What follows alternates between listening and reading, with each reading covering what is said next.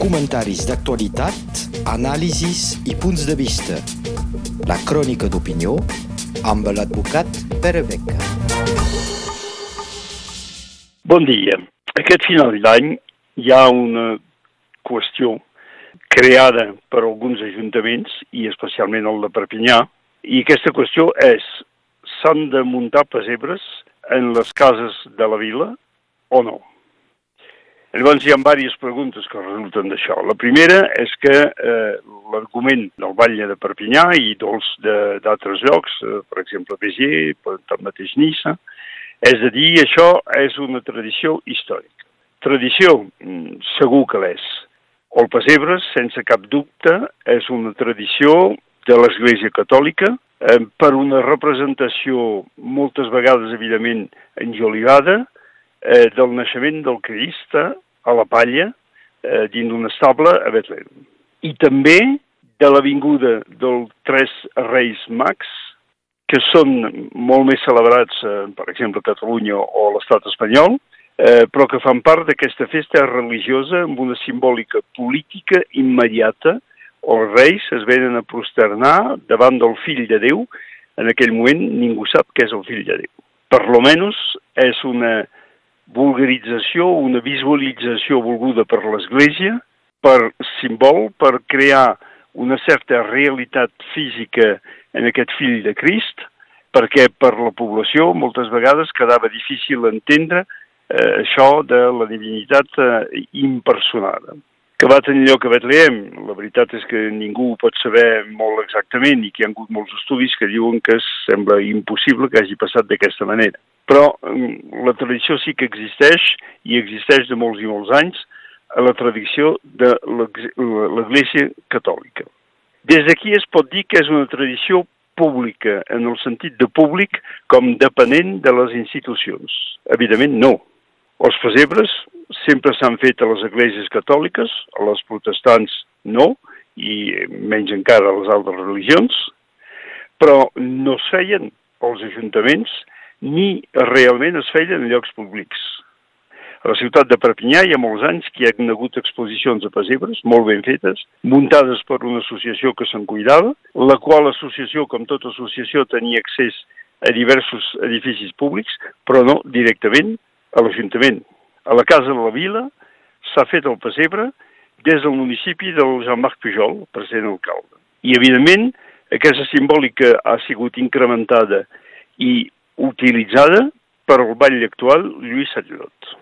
I es converteix el Lluís Sallot, d'alguna manera, en el gran defensor de la tradició cristiana i també de la tradició catalana, oblidant segurament, perquè els polítics tenen la memòria curta, que fa poc temps va ser ell que va treure el mot Perpinyà, la catalana, eh, de la designació de l'Ajuntament, per posar-hi la radiant, que no té cap sentit. Llavors, és difícil pensar que avui dia el municipi pugui dir defensem una tradició pública catalana, tot i que aquest ajuntament es vol un ajuntament republicà i que recordem que la història, l'Església de la República, va ser en competència de des de la Revolució Francesa i que la llei francesa de 1905 va pronunciar la separació de l'Església i de l'Estat. Tot això per dir que evidentment que eh, el pessebre és una tradició, però evidentment també que no és una tradició republicana i encara més una tradició d'utilització eh, d'eines públiques per celebrar-lo.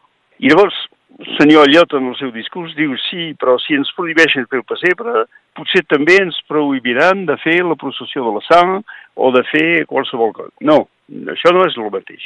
L'ús del domini públic ha de ser precisament públic i el carrer és el lloc de l'expressió de totes les tradicions. És un moment d'expressió, d'adhesió col·lectiva, i la processó com la processió de la sang, que recordem que molts anys tampoc es va fer pels carrers i que va ser rehabilitada fa uns 60 o 70 anys, doncs aquesta processó de la sang és evidentment un símbol religiós, però tanmateix s'han convertit en un símbol d'identitat a Perpinyà, utilitzant el carrer, lloc d'expressió pública, en el qual s'accepten totes les altres manifestacions. A la ciutat de París, que hi ha molts immigrats de magrebins i musulmans, Es fa, la preguera, la preguera del divendres es fa pel carrer perquè no hi ha lloc per fer-ho. Els xinesos que viuen a París eh, també tenen el seu carnaval propi, amb moltes simbòliques pròpies, però això també es fa pel carrer, perquè el carrer és un lloc de, de llibertat pública, d'expressió pública, i fins a pobles de Catalunya, vaig quedar una mica parat fa poc, a la ciutat de Cadaqués, el dia abans de la festa parroquial, es fa una festa especial pels immigrants de Sud-amèrica, és a dir, expressió especial en llocs públics de cultures que poden ser diferents, religioses o no, però que són cultures que s'expressen pacíficament sense fer ús d'algun argument que pugui aprofitar els ajuntaments en lloc. I aquestes tradicions, evidentment, s'han de protegir, s'han de protegir com actes que es poden organitzar eh, a través evidentment del permís del poder polític perquè passar pels carrers es necessita permís, però organitzades, muntades per als propis ciutadans a través d'associacions o no, per poder utilitzar la llur pròpia llibertat d'expressió que, recordem és un principi constitucional de la Constitució francesa de molts anys i especialment de 1958.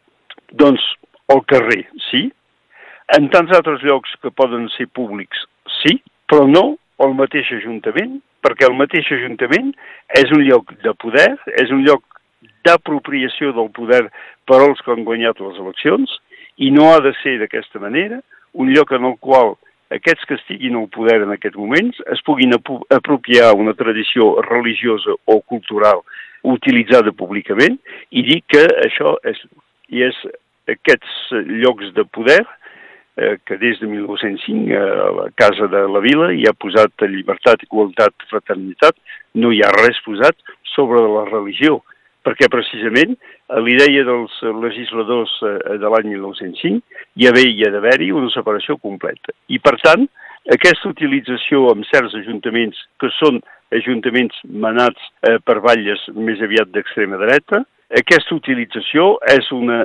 deformació de la tradició i estic convençut que si el fill de Déu va néixer en un estable Betlem realment, segurament que no era de la part més afavorida de la societat d'aquell moment, que era de la part popular. I, per tant, això de quedar a fora dels eh, eh reptes polítics eh, organitzats i ha de quedar una eina d'expressió pública i d'expressió de tradició més eh, popular que pugui ser. I, per tant, crec que els tribunals francesos, per raons que potser són diferents d'aquestes, però que els tribunals francesos tenen raó de crear i de mantenir aquesta separació. Per tant, acabeu molt bé aquest any, 2022, que ha sigut un any una mica complicat, i esperem que el 2023 ho tindrem una mica millor més endavant. Moltes gràcies per haver-nos escoltat i bon any nou.